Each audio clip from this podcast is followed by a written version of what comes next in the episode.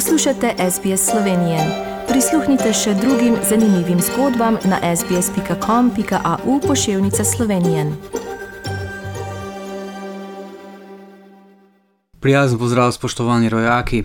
Slab mesec po parlamentarnih volitvah je pri nas vse podrejeno sestavljanju nove vlade, ki še vedno načrtuje, da bo z delom začela 3. junija.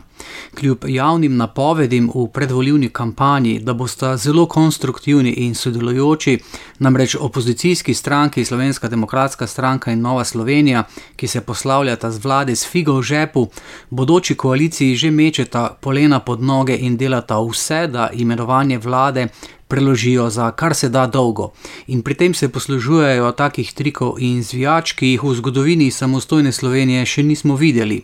Stranki sta namreč na ustanovni seji, kjer se tradicionalno potrjuje mandate poslancev in imenuje predsednika državnega zbora, to je prvič v zgodovini postala ženska Urška Klakočer Zopančič, uložili kar 32 predlogov zakonov, da bi koaliciji preprečili uložitev svojih glede na vrstni red. Toda opozicija, ki je dve leti vladala z odloki in ne sprejemanjem zakonov, pri tem seveda ne bo uspela, še manj pa se ustavila, kar lahko poslanci vse predlagane zakone zavrnejo že na matičnih odborih, še preden pridejo na dnevni red seje državnega zbora, so vložili še pobudo za posvetovalni referendum na zakon o vladi. S tem so si kupili dodatnih 30 dni časa v parlamentu, tudi koalicija pod vodstvom Roberta Goloba je odločena, da jih to ne bo oviralo pri sestavljanju in imenovanju nove vlade. Do izteka tega roka, ko bo parlament z navadno večino predvidoma z lahkoto zavrnil referendumsko pobudo, bodo vlado sestavili na podlagi trenutno veljavnega zakona, zatem pa bodo vlado razširili, kot so načrtovali od začetka, za tri nove resorje. In sicer bomo dobili nova ministrstva za podnebje in energijo, ministrstvo za visoko šolstvo, znanost in inovacije ter ministrstvo za solidarno prihodnost.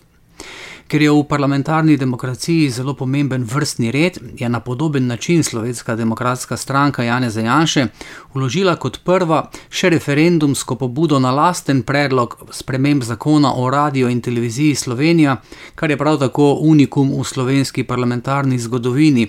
Kako zelo resno so mislili z obljubo, da bodo konstruktivna opozicija, pa pove tudi dejstvo, da so v slovenski demokratski stranki konec tedna zamenjali vodjo poslanske skupine Daniela Krivca, nasledila ga bo Jelka Godec, kot utemeljitev pa so navedli, da je v novo nastalih političnih razmerah v delovanje poslanske skupine potrebno vnesti več ostrine. Bodoča koalicija pa medtem kljub blokadam in oviram dela naprej, kot da zapletov ni.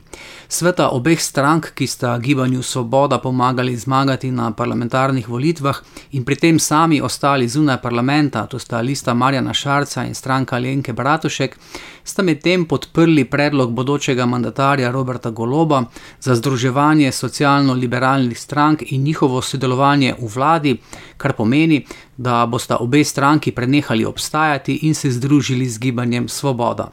Medtem ko je bodoča ministerska ekipa že domala znana in bo predstavljena v torek, pa je te dni v javnosti zaokrožilo še nekaj imen, ki bodo zapolnila pomembne vladne položaje.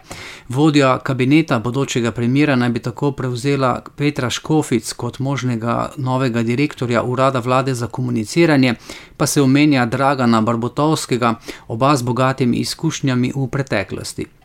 Dvoma, da se bo nova vlada potrudila sedanjega direktorja UKOM-a Uroša Urbanijo zamenjati že na ustanovni seji, ni.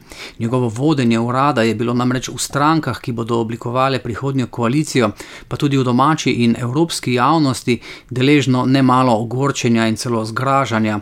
To se je nanašalo tako na uničevanje slovenske tiskovne agencije, ki si ga je privoščil Urbanija, kot na njegove nenehne pritiske na poročanje radia in televizije Slovenija. Aktualni direktor UKOM-a pa je bil tudi avtor sporne depeše, v kateri je Janševa vlada pred svetom Evrope slovenske medije označila kot obremenjene s komunizmom in udbo. To so bile novice za danes, ostanite zdravi in vse lepo do našega naslednjega slišanja. Za SBS ali Šlednik. Želite slišati sorodne zgodbe? Prisluhnite jim preko Apple ali Google podcasta, preko aplikacije Spotify ali kjerkoli drugje.